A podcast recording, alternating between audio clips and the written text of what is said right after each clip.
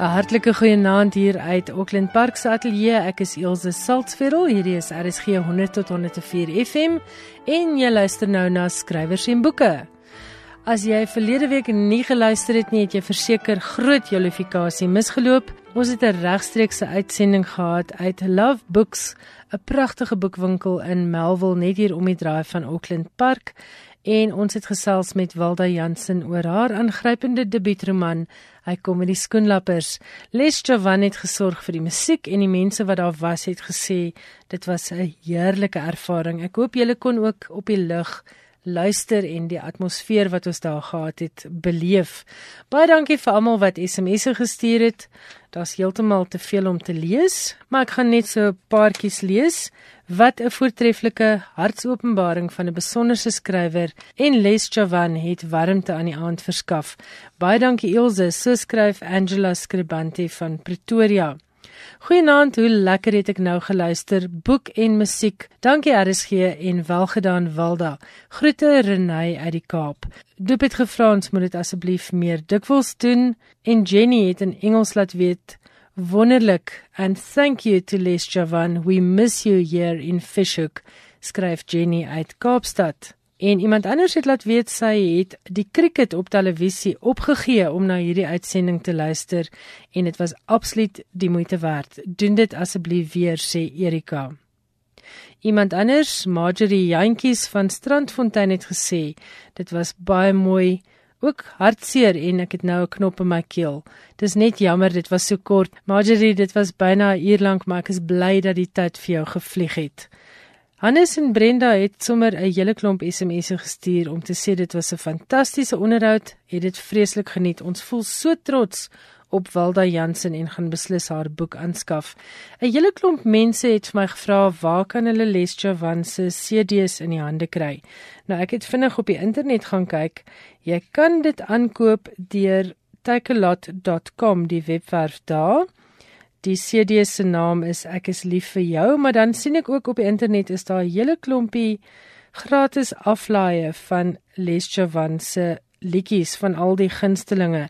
So gaan Google net die naam Leslie Javan of Les Javan en ek spel vir jou die van dit is J A V A N en jy gaan sommer heelwat inligting kry oor sy musiek. Jy gaan van die gratis MP3s kan aflaai om te luister en jy gaan sien waar jy sy CD aanlyn kan koop. Nog 'n SMS of twee skrywers en boeke wat 'n pragt aanbieding vanaand. Wilda mag maar skryf, sy is beslis in die wieg gelê daarvoor. Ek kan ure na die boekvoorlesings luister terwyl ek sit en brei. Dankie ook Les vir jou sang so uit die hart uit. Ek weet watter boek binnekort op my boekrak gaan pryk en watter CD op my musiekrak 'n ereplekkie gaan inneem. Baie dankie RSG vir hierdie program. Dit is Lisbie de Villiers van Oudtshoorn. Baie dankie aan ieder en elk wat 'n SMS gestuur het. Ek waardeer dit baie en ek gee dit ook deur aan Walda Jansen en aan Leslie Javan. Later in finansie program praat ons oor biblioterapie, met ander woorde die terapeutiese waarde van boeke spesifiek vir klein kindertjies. En daar's ook 'n hele paar name van boeke wat jy gerus kan aanskaf as jy 'n kind het met probleme of as jy weet van 'n kind wat deurloop onder probleme soos molestering of egskeiding waarmee hy of sy nie kan vrede maak nie of dalk selfs die dood van 'n ouer. Ek gesels ook met Jan Meiburg onder meer oor Amazon.com se topverkoper boeke vir 2016. Dis dan nou die jaar tot dusver. En nou-nou gaan Corina van der Spool gesels met Helena Deploy oor Helena se nuwe roman Die taal van been. Maar net gou-gou 'n aankondiging wat my nou pas bereik het. Dit was vanaand tyd vir die Media 24 literêre toekenninge in Kaapstad. En hierdie persverklaring wat ek nou vir julle gaan lees is letterlik vuurwarm. Ek mag hom nie bekend gemaak het voor 8 uur vanaand nie. So hier is die nuus. Julle hoor dit eerste hier op RSG by my Elsje Salzwetel. Die wenners van die Media 24 boeke literêre pryse vir 2016 is vroeër vanaand in Kaapstad aangekondig. Meer as 50 boeke wat in 2015 by uitgewerye in die Media 24 stal verskyn het, is ingeskryf vir die pryse met 'n gesamentlike prysgeld van meer as 200 000 rand. Die wenner van die WA Hofmeyer Prys vir Afrikaanse fiksie is Ingrid Winterbag vir haar roman Vlakwater, uitgegee deur Iman en Resou. Dit is die 4de keer dat Winterbag hierdie belangrike prys ontvang. Vlakwater is deur die beoordelaars geloof as 'n werk waarmee die skrywer 'n reeds indrukwekkende oeuvre verruim. Die roman is beskryf as 'n besinning oor die rol en aard van kuns in roerige tye, 'n moedelose wekroep teen die tirannie van middelmatigheid en geestelike vervlakking, as ook 'n soeke na mistieke rigtingwysers in 'n andersins onherbergsame heelal. Die Herman Charles Bosman Prys vir Engelse fiksie is toegekend aan Fenwala Darling vir The Fetch, uitgegee deur Kwela. Die beoordelaars het The Fetch onder meer geprys vir Darling se subtiele humoristiese taalgebruik en haar vermoë om geloofwaardige, komplekse karakters te skep wat die belangstelling prikkel. Milton Shane het die Regte Malan Prys vir nuwe fiksie verower met sy boek A Perfect Storm Anti-Semitism in South Africa 1930 to 1948 uitgegee deur Jonathan Bull. Die boek is deur die beoordelaars beskryf as 'n wonderlike boek en 'n gepaste waarskuwing in 'n tyd waarin xenofobie gereeld in Suid-Afrika en oor die wêreld heen tot geweld lei en ook 'n waarskuwing teen wat kan gebeur wanneer magsbehepte politici 'n weerlose groep as boos uitmaak. Gilbert Gibson is met die Elizabeth Eybers Prys vir poësie beloon vir sy bundel Vry wat die leser volgens die beoordelaars konfronteer met 'n unieke stilistiese wyse waarop temas ontgin word.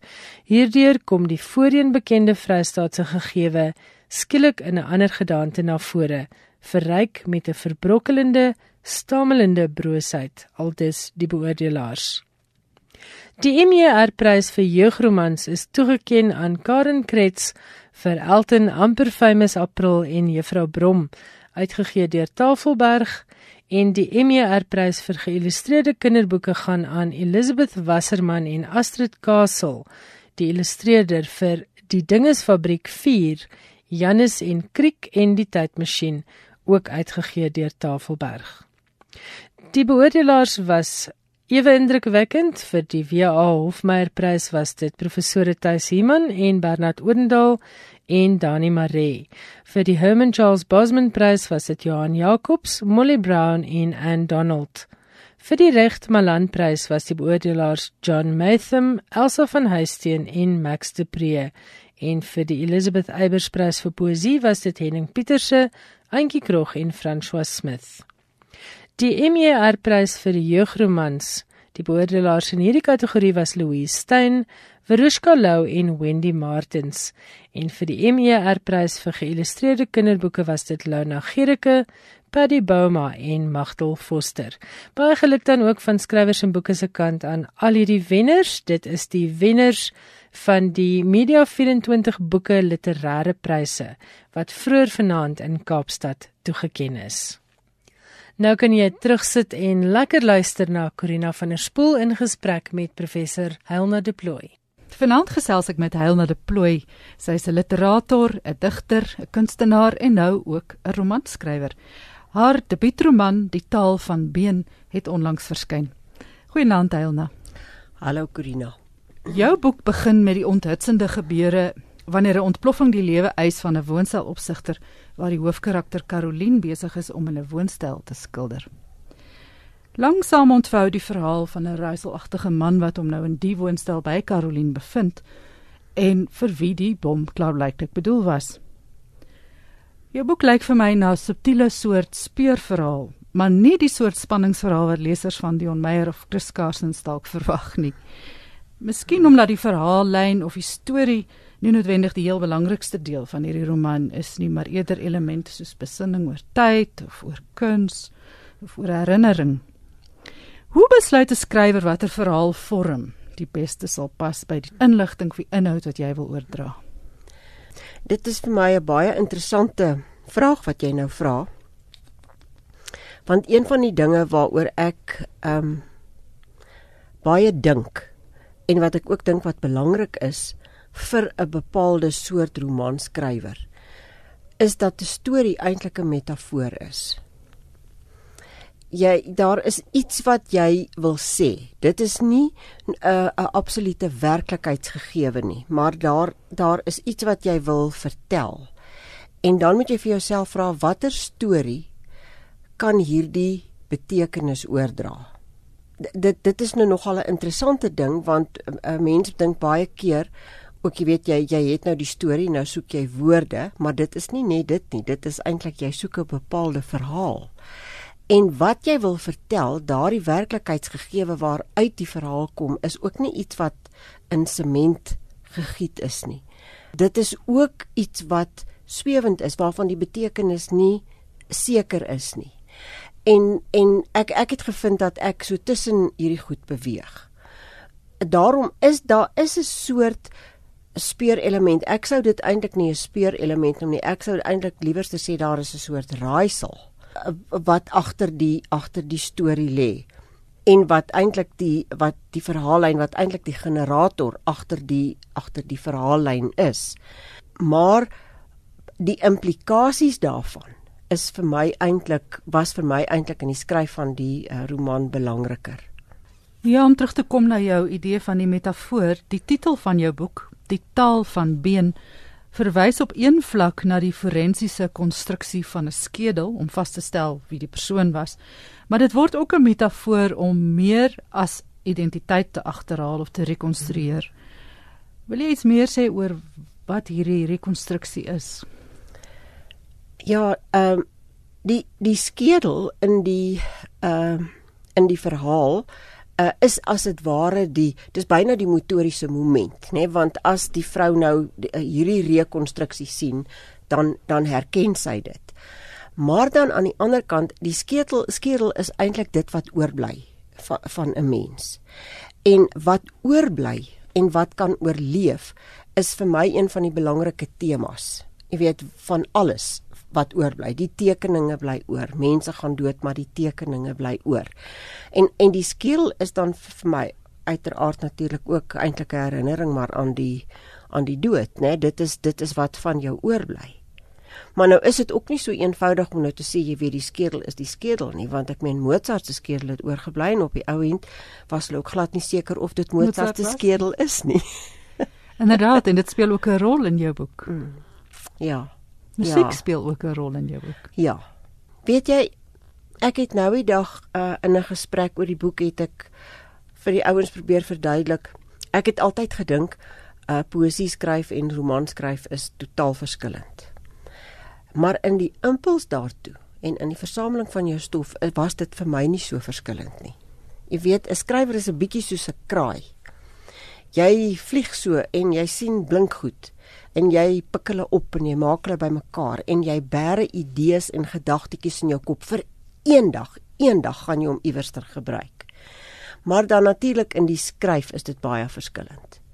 Want waar jy in die gedig absoluut die die die konsentrasie van 'n sterk enkele gedagte of weet 'n gedagte wat 'n klomp ander kan aktiveer, wat jy daai fokus probeer kry, uh, is die skryf van 'n roman en dit was vir my nou verskriklik lekker om dit self te doen waar ek dit altyd bestudeer het is om jou as dit ware te onderwerp aan daai epiese gang. Jy weet om dit op te bou om stukkie vir stukkie die elemente van die van die verhaal uit te pak. Dit dit was nou iets wat my vreeslike groot plesier gegee het. En was dit ook vir jou so hoe baie dat baie skrywers skryf dat die verhaal om soms self skryf? Ja, dit dit gebeur wel. Ek dink jy het 'n jy het 'n idee, maar dan as jy skryf, uh, is dit asof jy uh na baie detail moet kyk. Jy jy's ook ontsettend bewus van die detail. Jy moet die hele ding as dit ware in jou kop hê. Ek ek het die uh, gedagte van die roman het ek lank mee geloop. Ek het lank aan die ding geherkou. En toe ek begin skryf, was dit vir my asof ek die die hele ding in my kop het en ek moet hom nou net op papier kry. Ek moet nou maar jy moet as dit ware al daai balletjies gelyk in die in die lug hou.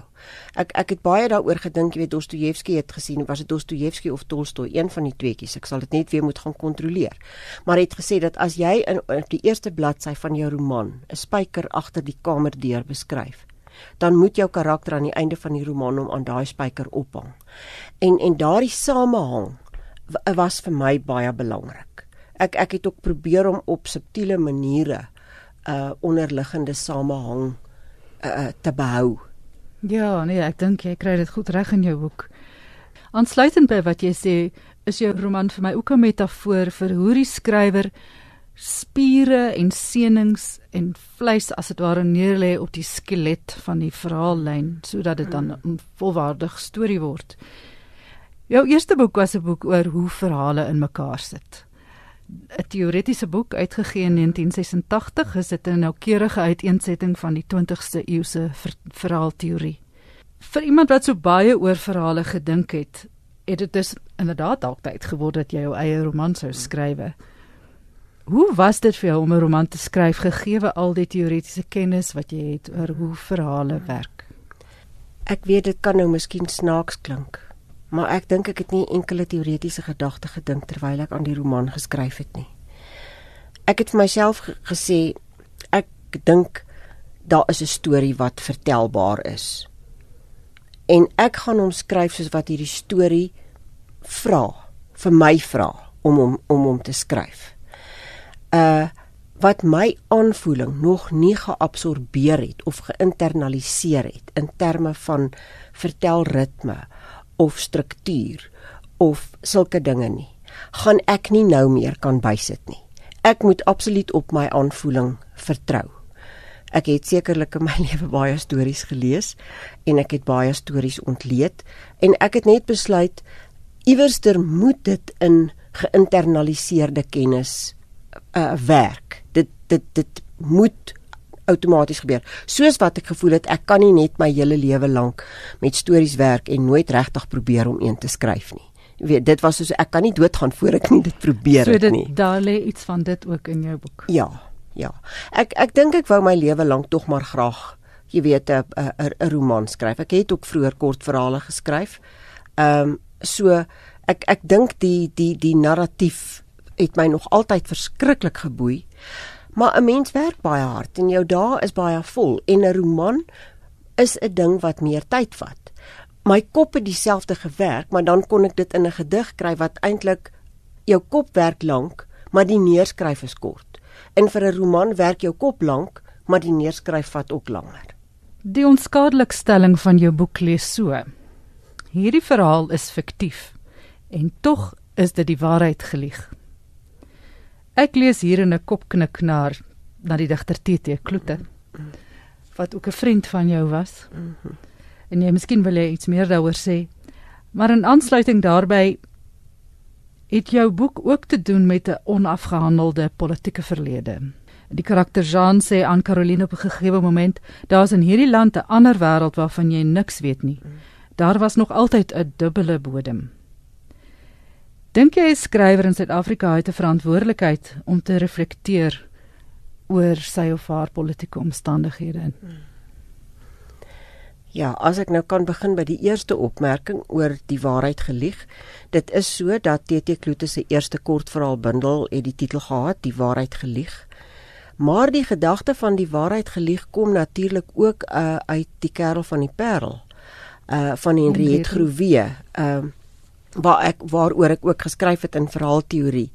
En die hele idee van dat jy 'n uh, 'n verhaal vertel eintlik om die werklikheid te kan verduur. En dit is ook inderdaad so dat verhale 'n manier is om sin te maak van die werklikheid. Dit is dink ek die basiese funksie van van 'n verhaal is om te probeer verstaan. En as jy dit dan nou bring na die soos wat jy nou self daar aantoon die sosio-politieke en eintlik spesifiek die politieke agtergrond van Suid-Afrika is dit sodat dit baie sterk inspel op almal se lewens vandag. Dit is dit jy kan dit absoluut nie ignoreer nie. Maar ek het probeer om dit 'n bietjie uh, daar was vir my ook 'n alternatiewe moontlikheid. Want kyk, hierdie vrou is eintlik 'n bevoorregte vrou en 'n bemiddelde vrou. En tog is sy op 'n manier 'n slagoffer, maar sy is nie 'n slagoffer nie En dit het my ook geïnteresseer want daar word baie gesê jy weet jy moet praat namens die stemloses. Maar daar is baie soorte stemlose mense en daar is baie mense waar jy dit nie verwag nie wat ook op 'n gegeewe dag agterkom ek het nie 'n stem nie, ek het nie 'n plek nie, ek het nie 'n posisie nie. Ek kan niks verander aan my werklikheid nie en ek moet bly leef en dit is my belangrik dat ek sinvol bly leef. En dan by die wat wat jy nou die aanhaling wat jy daar gelees het van uh van Jean dink ek dit is regtig vir baie mense waar. Dat vanaf die 60er jare en ek dink veral in die in die 70s uh het ons baie keer nie geweet uh um jy weet die kom ek sê so die struggle geskiedenis het nie as 'n struggle hede ooit na die gewone publiek in Suid-Afrika deurgewerk nie. Dit was nie in die koerante nie, dit was nie in die media nie. Uh en mense het dit nie geweet nie. Maar daar was mense wat aktief werksaam was binne die struggle geleedere. En dit is een van die dinge. Jy luister na stories wat mense vertel, jy kom op plekke. Ehm uh, ek het gewerk in 'n stadium op 'n werkgroep waar in die aande as ons nou eet en die ouens gesels, het mense stories vertel. En dan pik jy stories uit. So hierdie storie is nie waar nie. Maar dit is fiktief in die sin van dat dit waar sou kon wees. Dis nie fantasie nie. Dit sou waar kon wees, want elemente daarvan is alles elemente wat te kry is in die werklikheid waarin ons leef. Kom ons praat bietjie meer oor die stem gee van vroue. Die hoofkarakter Caroline besin baie oor haar lewe en die moontlikhede wat die lewe as getroude en gesinsvrou haar bied. Iewers sê sy dat sy haarself gekondisioneer het om in die oop plekke te lewe. Sy onderhandel met haar man om 1 jaar vir haarself te hê na 20 jaar waarin sy probeer het om alles vir almal te wees, wat sy nou sê. Sy wil uitvind of sy anders kan lewe as om net op eksterne behoeftes en impulse te reageer. Dink jy vroue het dit moeiliker om hul kreatiewe identiteit te realiseer en uit te leef? Weet jy, in op 'n praktiese vlak dink ek tog wel so. Ek dink dit het baie verander. Ek dink dit is makliker. Ek sien ook vir die generasie wat na my kom, is dit nog makliker dat uh selfs in in in huwelike is is dit nog meer uh 'n soort vennootskapsverhouding uh as wat dit vroeër was ek was gelukkig daarin dat dat daar vir my ruimte gegee is. Maar dit het grense. Dit dit het absolute grense. Die feit van die saak is as jy kinders het, het jy 'n primêre verantwoordelikheid. Dit is so 'n soort van soos 'n aanmaning vir elke oomblik uh, van jou dag. En as jy dan iets wil doen, moet jy eintlik goed beplan um, ek onthou toe ek weer wou begin studeer toe ons baie jonk getroud was het my man vir my gesê as 'n mens regtig graag iets wil doen dan kry jy 'n manier om dit te doen. En ek dink dit het hom al berou maar die feit van die saak is uh, dit is nie vir almal moontlik nie. En ek ken baie vroue wat moet baie slim planne maak. Die die die situasie waarin Caroline haar haar bevind jy weet ek ek ken regtig baie mense wie se storie elemente daarvan bevat. Nie presies natuurlik dieselfde nie, maar elemente daarvan. In hierdie verband kom Virginia Woolf en Karen Blixen in my gedagtes op. Jy verwys inderdaad uitvoerig na Karen Blixen wat onder die skuilnaam Isaac Denison of Isaac Denison boeke soos uit Out of Africa en Babette's Feast geskryf het. En jy gebruik aanhalinge van uh Isaac Denison om elke hoofstuk mee te begin. Waaruit kom hierdie aanhalinge en wat is die rol van hierdie interessante skrywer in jou boek? Weet jy, sy was my een van die boeiende figure met wie ek nou as wel dosent in die literatuur te maak gekry het. Ehm um, spesifiek in 'n kursus 'n roman en film wat jy ook nog by my geneem het waar ek dan altyd die uh, die verhaal Babette's Feast en die en die film uh, behandel het. Uh, en ek het oor die jare baie materiaal oor haar versamel omdat sy vir my eintlik 'n baie interessante figuur is. Maar wat nou in hierdie geval interessant is, die verhaal waaruit die aanhalinge kom, is 'n verhaal met die titel The Old Chevalier. En dit is 'n verhaal waarin daar elemente voorkom wat ook in die roman voorkom. So die roman is 'n bietjie 'n herskrywing daarvan, maar met baie dinge presies omgekeer. In daardie verhaal ontferm 'n man hom oor 'n oor 'n jong vrou. En in my verhaal is dit 'n vrou wat haarself ontferm wat haar ontferm oor 'n man. Ek dink ironies genoeg is dit asof vroue meer stabiliteit het in ons tyd en en dat mans miskien losser kan leef, jy weet vir al die wat hulle nou in ongewone beroepe bevind. Terwyl in daardie tyd was 'n man se lewe stabiel en was 'n vrou meer kan kon het sy makliker hulpbehoevend geraak. Hoewel hierdie enetjie was nie so hulpbehoevend nie, sy was nogal heeltemal berekend hmm. want sy het die volgende oggend daar geld gevra. Maar nou goed. So daar is raakpunte. Daar is ook 'n 'n 'n poging tot moord in in in in 'n uh, Dinesen se se verhaal. Maar wat vir my die interessantste was is dat in uh, kyk Karen Blixen se verhale is sulke verskriklike vertellende verhale. Sy bed die een storie in die ander een in. Hulle vertel mos dat toe sy ouer geword het in in al anoreksia gelei het het hulle haar partykeer genooi hulle haar Amerika toe vir 'n toer en dan sal sy 'n hele ete deur net vir die mense stories vertel en sê nou maar drie oesters eet want sy het glad nie geëet nie. Maar in die wêreld waarin sy geleef het in die uh, eerste helfte van die 20ste eeu was daar tyd om uitvoerig te sit en herinneringe te herkou en die hele styl waarin haar verhale geskryf is dit is sulke lang sinne weet elegante sinne, 'n stylvolle lewe, 'n stylvolle tyd van weet van misterieuse, romantiese, geïdealiseerde herinneringe. En dit is presies die teendeel van die tyd waarin ons leef. Waarin iemand as dit ware as jy tyd van besinning wil hê, moet jy jouself as dit ware onttrek uit die werklikheid. Want die werklikheid is hard en hy's aandringend. Jy het vroeër iets gesê oor dat jy gevind het dat die dat die poesie en die romankuns eintlik nader aan mekaar staan dalk as wat jy gemeen het. Die reis, die soeke na sin, deur kuns, deur storie, dit lyk vir my na temas wat sentraal staan in jou werk. Of dit nou jou poesie is of jou vertalings, jy het die Nederlandse digter Willem van Toren vertaal in Afrikaans. Baie mooi gedigte. Vir my lyk dit of hy ook 'n digter is waarin die soeke voorop staan. So jy het nou eintlik al die verhaalkuns, kortverhaalkuns en die roman en gedigte geskrywe. Watter van hierdie forme sou jy sê werk vir jou dan die beste of die lekkerste om hierdie soektog te verwoord? Ja, dit is nou nie so vreeslike maklike een nie. Maar ek kan miskien nou die slim uitweg kies wat ek al baie skrywers gehoor het en gesê het die ding waarvan hulle die meeste hou is die een waarmee hulle besig is. ek dink ehm um, Op 'n vreemde manier was die skryf van hierdie roman vir my nogal soos 'n tuiskoms. Dit het vir my baie gemaklik en natuurlik gekom. Die die poesie het vir my ontsettend baie beteken. In moeilike tye van my lewe het, het die poesie vir my geweldig baie beteken. Maar daardie hele ding van van die ontwikkeling, jy weet die die stadige uitpak dat jy die gelyktydigheid van 'n lewe, die gelyktydigheid van gebeure in die werklikheid, dat jy dit op 'n manier probeer orden dat daar miskien meerdere betekenisse daaruit loskom. Dit was vir my nou baie lekker om te doen. En nou pak jy 'n ander vorm aan. Iewers lees ek dat jy skryf aan 'n biografie van die letterkundige reus en legende van Afrikaanse letterkunde professor Elise Botha.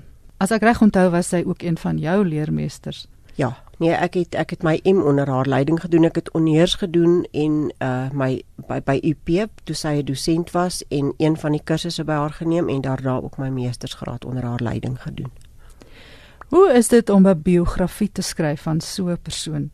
En waar begin 'n mens? Ja, dit is nou 'n vraag wat ek miskien eers oor 'n paar jaar sal kan beantwoord. Sy was 'n baie noukeurige mens en het geweldig baie dokumente gebeere. En in hierdie stadium is ek nog besig om die dokumente deur te werk want ek moet kyk wat ek daar kry voordat ek kan weet hoe ek dit presies wil aanpak. Ek sal moet 'n deurlopende lyn kry. Ek vermoed dit gaan wees dat sy haarself as 'n leser beskou het. Uh ek het op een plek op 'n baie ongewone plek in 'n boek het ek aantekeninge gekry wat sy self gemaak het oor haar eie lewe. En dit is hoekom 'n mens al daai dokumente moet deurgaan. Want sy het nogal sy het baie graag met in potlood geskryf. En dan het sy ook in boeke geskryf. En dit is waar sy voorbereiding gedoen het vir iets. En dan gaan dit oor en dan is daar 'n stuk wat duidelik half autobiografies is.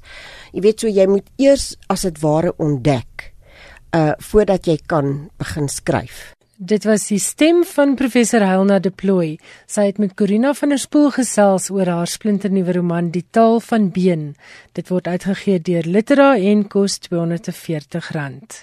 Ek gesels nou met Wendy Martins. Nou sy is natuurlik 'n baie bekende kinderboekskrywer, maar sy is ook 'n oud onderwyseres wat beslis glo in die terapeutiese waarde van boeke. Hallo Wendy, baie dankie dat jy vanaand met ons gesels hier op Skrywers en Boeke.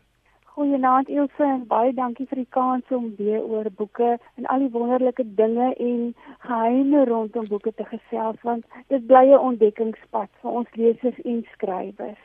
Ek het jou gevra spesifiek ingesluit by finansie program sodat ons 'n bietjie kan praat oor wat boeke vir kinders kan beteken. Elke leser weet 'n boek is 'n wonderlike ontsnapping van werklikhede, maar vir kinders en mense met probleme is daar regtig bewese terapeutiese waarde. So vertel vir my 'n bietjie uit jou eie ervaring met boeke.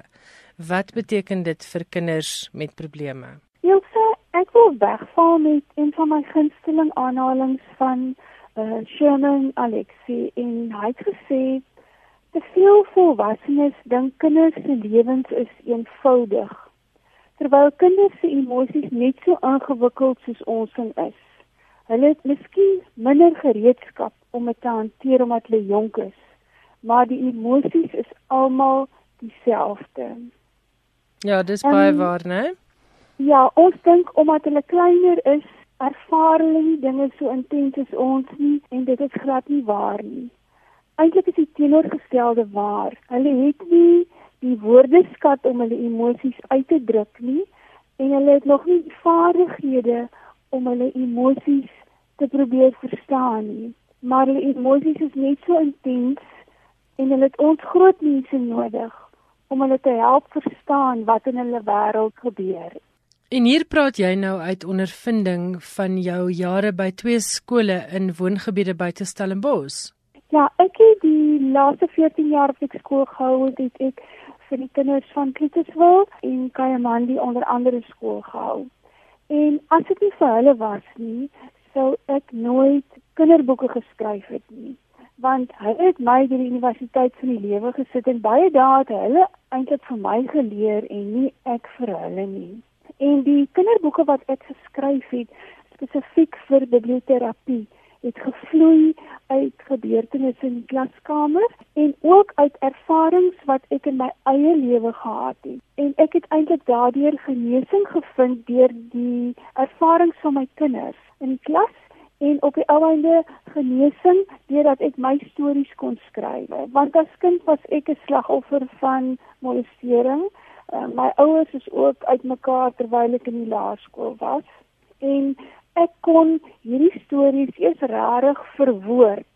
Toe ek dieselfde dinge deur my kinders in die klas kon ervaar, dieselfde pad met hulle kon loop en my storie kon skryf en hulle daardeur kon help. Nou, biblioterapie verwys na die helende krag van boeke. En dis regtig self vir die gemoed. Hoe het jy dit in die praktyk ervaar? Vertel bietjie vir my van die kindertjies wat na jou toe gekom het en hoe boeke hulle gehelp het. Weet jy baie keer het jy 'n kind in jou klas en jy weet op die krop van jou maag daar's fout by die huis. Die kind of heeltemal in haar dop gekry het of sy dop gekry het of heeltemal uit die nate uit. Jy gesels met die ouers, kry hulle in vir 'n ouer onderhoud, ouer afspraak. Soms kom net een, um, jy kry hulle nooit albei daar nie, um, of hulle ontduik dit. Hulle wil glad nie daar wees nie. Alles word bespreek behalwe dit wat regtig waar die probleem is. Dan verwys jy die kind na die na die skoolsielkundige Die skoolsielkundige bevestig daar is groot emosionele probleme. Jy gaan terug na die ouer toe Jy wil die kind so graag op die regte maniere help, maar jy kan nie omdat jy nie die ouers se samewerking het nie. Daar's geen fisieke letsels nie, maar omdat daar bevestiging vanaf die sielkundige is dat daar wel probleme is. Is jy basies in 'n doodloopstraat omdat jy nie die ouers se goedkeuring of die ouers se samewerking het nie. Dan het jy basies net een uitweg. En dan is jou magtigste wapen om vir die kind onvoorwaardelike liefde te gee en om op haar toe te rus met kennis, met hulp van die regte boeke.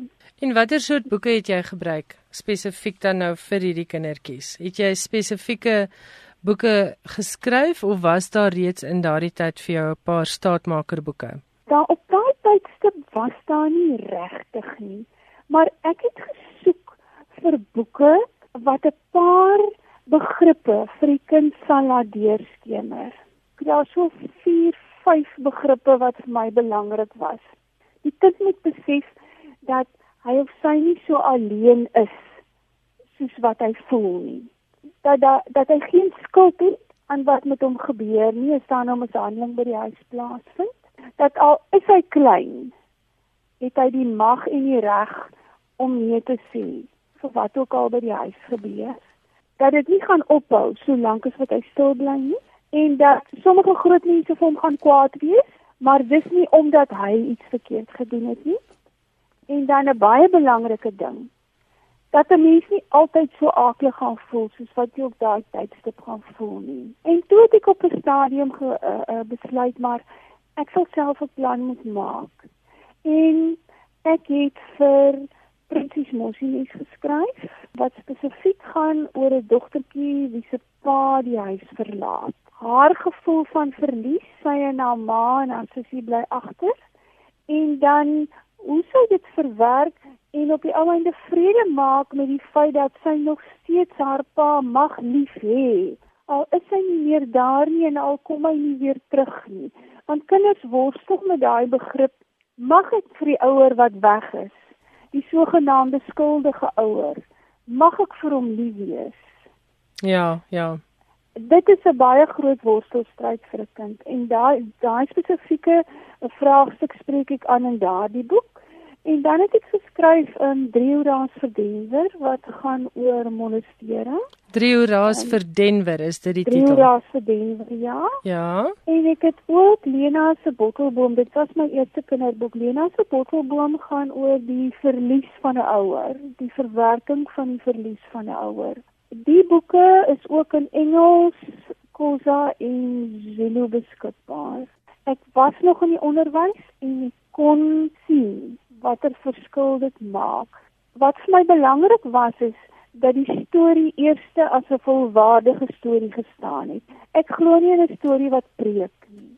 Die storie moet volwaardig alleen as 'n verhaal kan staan sonder dat daar enige iets deurgegee probeer word slegs dan voel ek kan hy benut word vir biblioterapie. Die oomblik as daar allerlei preke deurkom dan val hy heeltemal plat dan stel die kind nie belang nie. En ek voel dan die deernis en die omgee wat 'n mens probeer kanaliseer deur so 'n storie. Dit is asof jy hekke toemaak. Ja. Dit vloei ook nie. Ek het die uitwerking daarvan in my klas gesien op my kinders en ook op die ouers. Snaaks genoeg, my ouers het ook gereageer op die boeke. En ek dink dit gee vir ouers ook 'n praatkans met hulle kinders. Dit maak 'n onderwerp oop of die, dit skep die geleentheid om oor 'n onderwerp te praat wat dalk nie vir die ouer maklik is om oor te praat nie. En weet jy, wat is vir my interessant, as ouers so 'n boekie met kinders lees en die storie is die fokuspunt, nie die onderwerp nie, dan gebeur dinge van self dan maak die kind oop en sal mettertyd self sê dit het met my gebeur of hierdie kind het dit gedoen of daai oom maak my bang.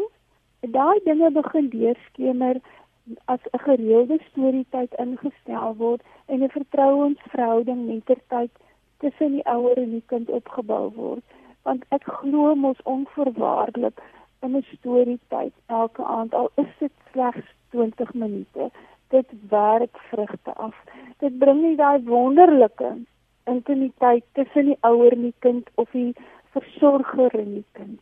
En dit hoef nie eers 'n biblioterapie boek te wees wat gelees word nie. Dit kan enige lekker storieboek wees. Ja, Nie ek stem saam. van woorde wat goed gekies is, eh, vreugdevolle woorde, woorde van omgee, net 20 minute. En 'n ouer sal verbaas wees oor wat mettertyd uit daai storie tyd vloei. Dit is 'n geseënde tydjie daai. Daar gaan vreeslik baie deure oop as 'n mens belê in daai 20 minute. Wendy gee net vir ons weer daardie name. Dit is Prinses Mossines. Ja, en in Engels is hy uh, Princess Sparrow. Ja. dan se drie raas vir Denver en Engels is hy Three Cheers for Tyrant.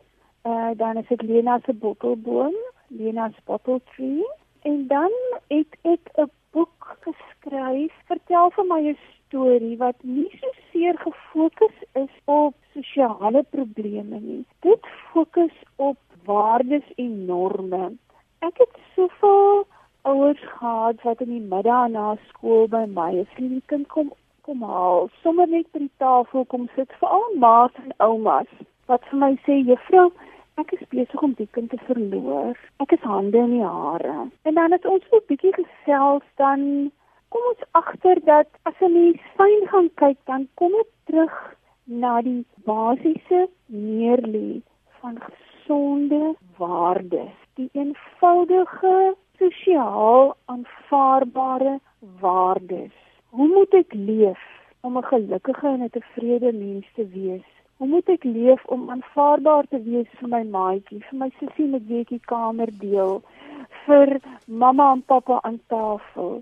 Doodgewone dinge wat dalk eenvoudig mag klink, maar dit vorm tog die hoekdeel van ons samelewing. En as ons daai dinge weer in plek kan kry, gaan daar soveel meer verdraagsaamheid wees binne gesinne, binne klaskamers, op skoolgronde, binne ons dorpe en ons stede en ons land as 'n geheel. Wendy, jy het inderdaad 'n hele klomp boeke geskryf en ek glo daar's iets vir elke luisteraar en vir elke klein ding wat vanaand luister. Kan ek mense sommer na jou webwerf verwys vir meer inligting oor al jou boeke? Dit seker, seker. wendymartins.co.za En die Martins is M A A R T E N S net vir die luisteraars onthou dit is www.wendy M A A R T E N S.co.za En Wendy, vertel ons net vinnig van jou heel jongste boek Stories van die See. O, stories van die see maak my baie opgewonde. Stories van die see het ontstaan in die Leifore, Woesterse Leifore.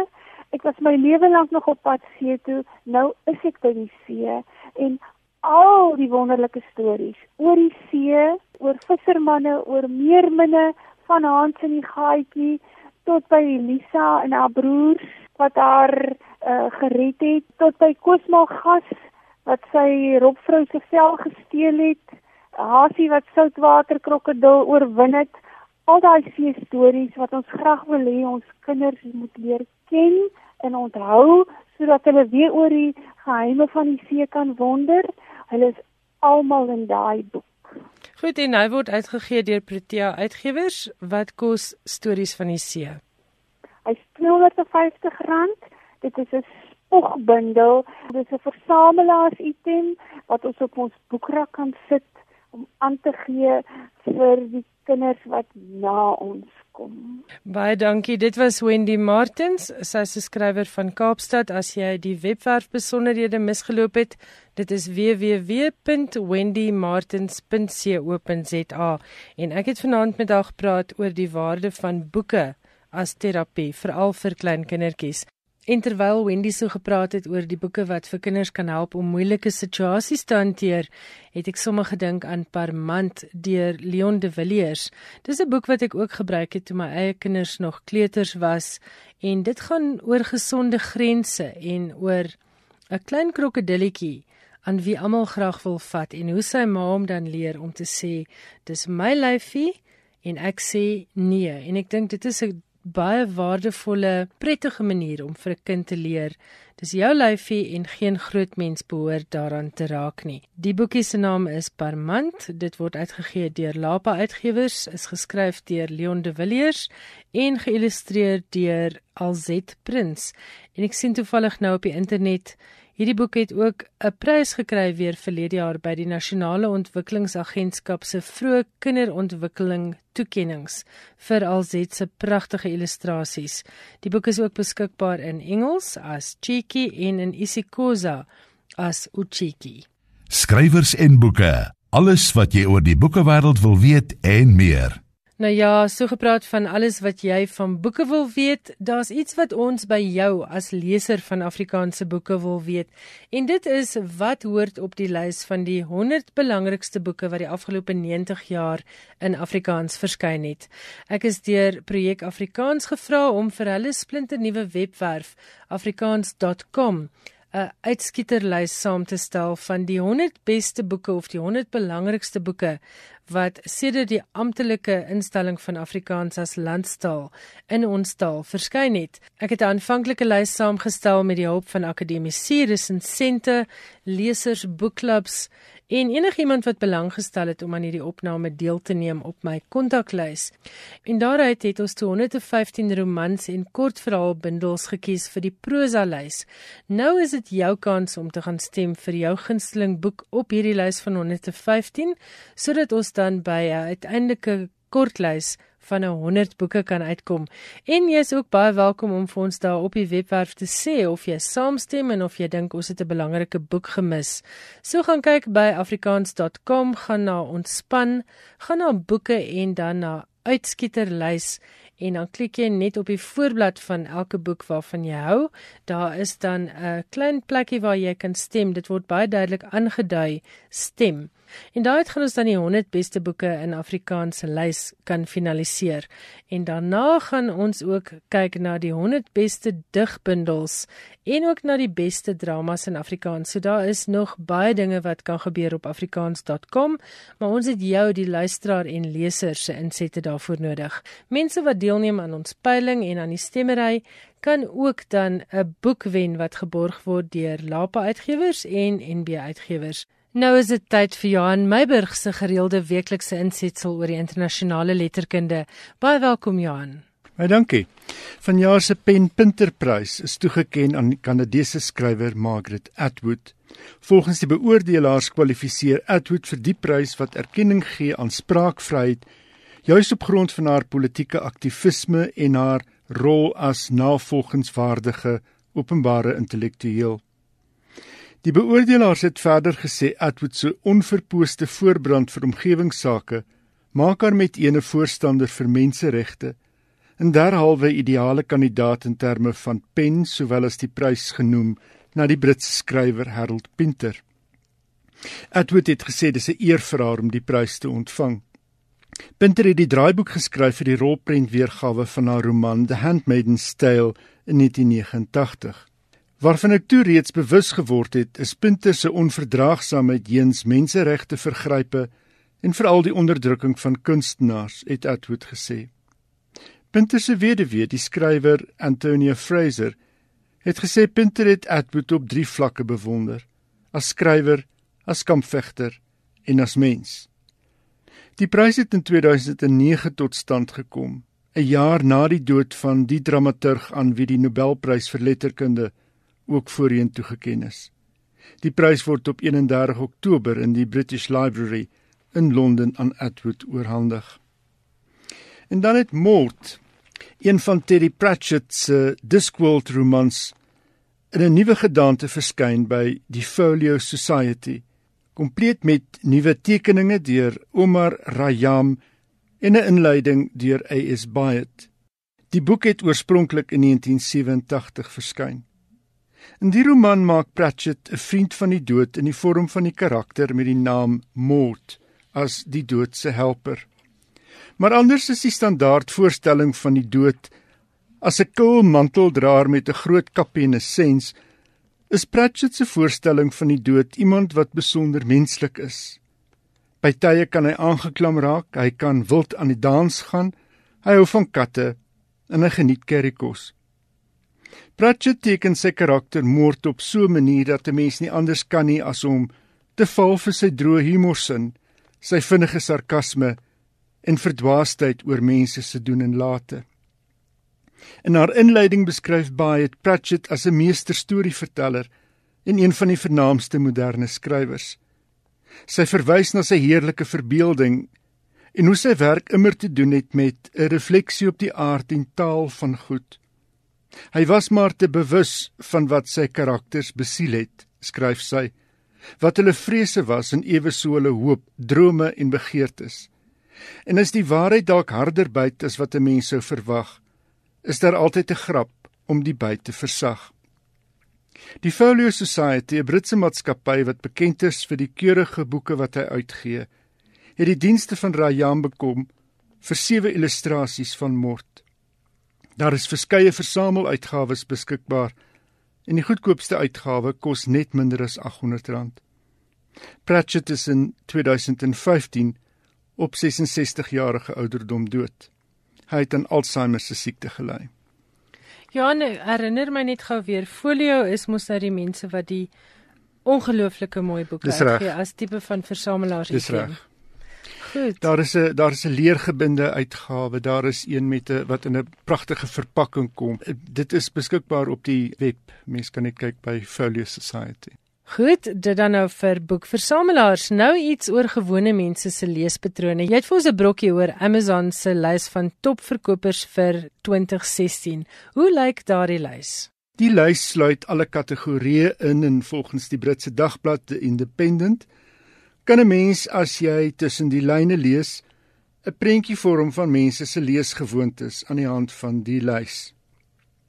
Harry Potter kraai koning in die eerste plek met Jack Thorne se verhoogverwerking van J.K. Rowling se Harry Potter and the Cursed Child. Die verhoogstuk het sy premier op 30 Julie op Londen se West End. Die boek in die tweede plek is Tom Rath se Strengths Finder 2.0 'n selfhelpboek wat lesers sou kon help om hul talente te ontdek en straks te ontgin. Die boek se oogmerk is om lesers so ver te kry om met nuwe oë na hulle self te kan kyk. In die derde plek is Dr. Zeus se klassieke en vermaaklike kinderboek Oh the Places You'll Go. In die vierde plek is The Life-Changing Magic of Tidying Up, the Japanese Art of Decluttering and Organizing deur Marie Kondo. Die Japanse skoonmaakkonsultant gee lesers wenke hoe om orde te skep in jou lewe. In die vyfde plek is Roger Priddy se First 100 Words, 'n boek om kleuters bekend te stel aan Engels. In die sesde plek lê Paul Kalaniti se When Breath Becomes Air, die autobiografie en memoirs van 'n Amerikaanse neurochirurg wat gediagnoseer is met longkanker en op 37 gesterf het. In die boek worstel Kananiti met vrae soos wat maak die lewe die moeite werd as die dood jou in die oog kyk en hoe maak ek sin van my eie agteruitgang? The New York Times het in 'n resensie die boek besing A omdat die skrywer so wye kennis het en B omdat hy dit wat met hom gebeur so fyn beskryf het. In die sewende plek is Gary Chapman se boek The Five Love Languages: The Secret to Love That Lasts. Die titel vermoed ek sê reeds alles. En ewe so ook in die agste plek The Whole 30: The 30 Day Guide to Total Health and Food Freedom deur Melissa and Dallas Hardwick. How to Win Friends and Influence People. Die Dale Carnegie boek wat in 1936 verskyn het, is in die 9de plek. En in die 10de plek is twee inkleurboeke vir volwassenes. A coloring book for adults featuring mandalas in henna inspired flowers, animals and paisley patterns. Ek dink nie mense hoef tussen die lyne te lees nie. Ek het nie 'n fiksiewerk daarop gehoor behalwe die, die Harry Potter en die Zeus boeke nie. En dalk die boek van die Kalaniti wat uh, wat wat autobiografies sou kon wees. Ja, maar ek ek hoor nie ek hoor nog steeds die fiksie. Dit is 'n baie interessante lys. So mense doen nog steeds meer uh wel stel baie meer belang in selfhelp en opruim en as Interessant, daar's ook nie kookboeke nie. Ek het nogal kookboeke verwag. Dis 'n regtig interessante lys. Uh, ek het van die Kondo vrou se boek al gehoor, maar die ander een, Spark the Joy of Sweets, en sy sê mos as jy aan iets in jou huis vat en dit laat nie onmiddellike vreugde in jou ontspring nie, dan moet jy daarvan ontslaa raak. So ek vermoed reg oor Amerika lê daar nou baie goed op sy paadjies as ek uit hierdie lys uit moet aflei. So. Johan baie dankie, dit was baie interessant. Dankie. Ongelukkig het die tyd ons nou weer ingehaal, maar ek hoop jy het vanaand se skrywers en boeke baie geniet. Stuur gerus 'n e-pos na skrywers en boeke by rsg.co.za of 'n SMS na 34024. Elke SMS kos R1.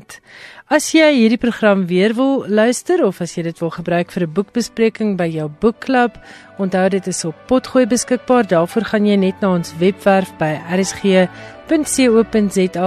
gaan na potgoeie en dan soek jy onder skrywers en boeke na watter skrywer jy ook al in geïnteresseerd is. Daar's 'n hele klomp. Ek dink daar's minstens 3 jaar se potgoeie om uit te kies. Volgende week is ek terug, dieselfde tyd volgende Woensdag aand om 8uur, dieselfde plek, daar voor die radio net daar waar jy vanaand lekker saam met my gekuier het. Tot dan, ek hoop jy het stapels goeie boeke om te lees en onthou om ook die vreugde van boeke te deel met hulle wat dit nie het nie. Tot ons weer gesels. Totsiens.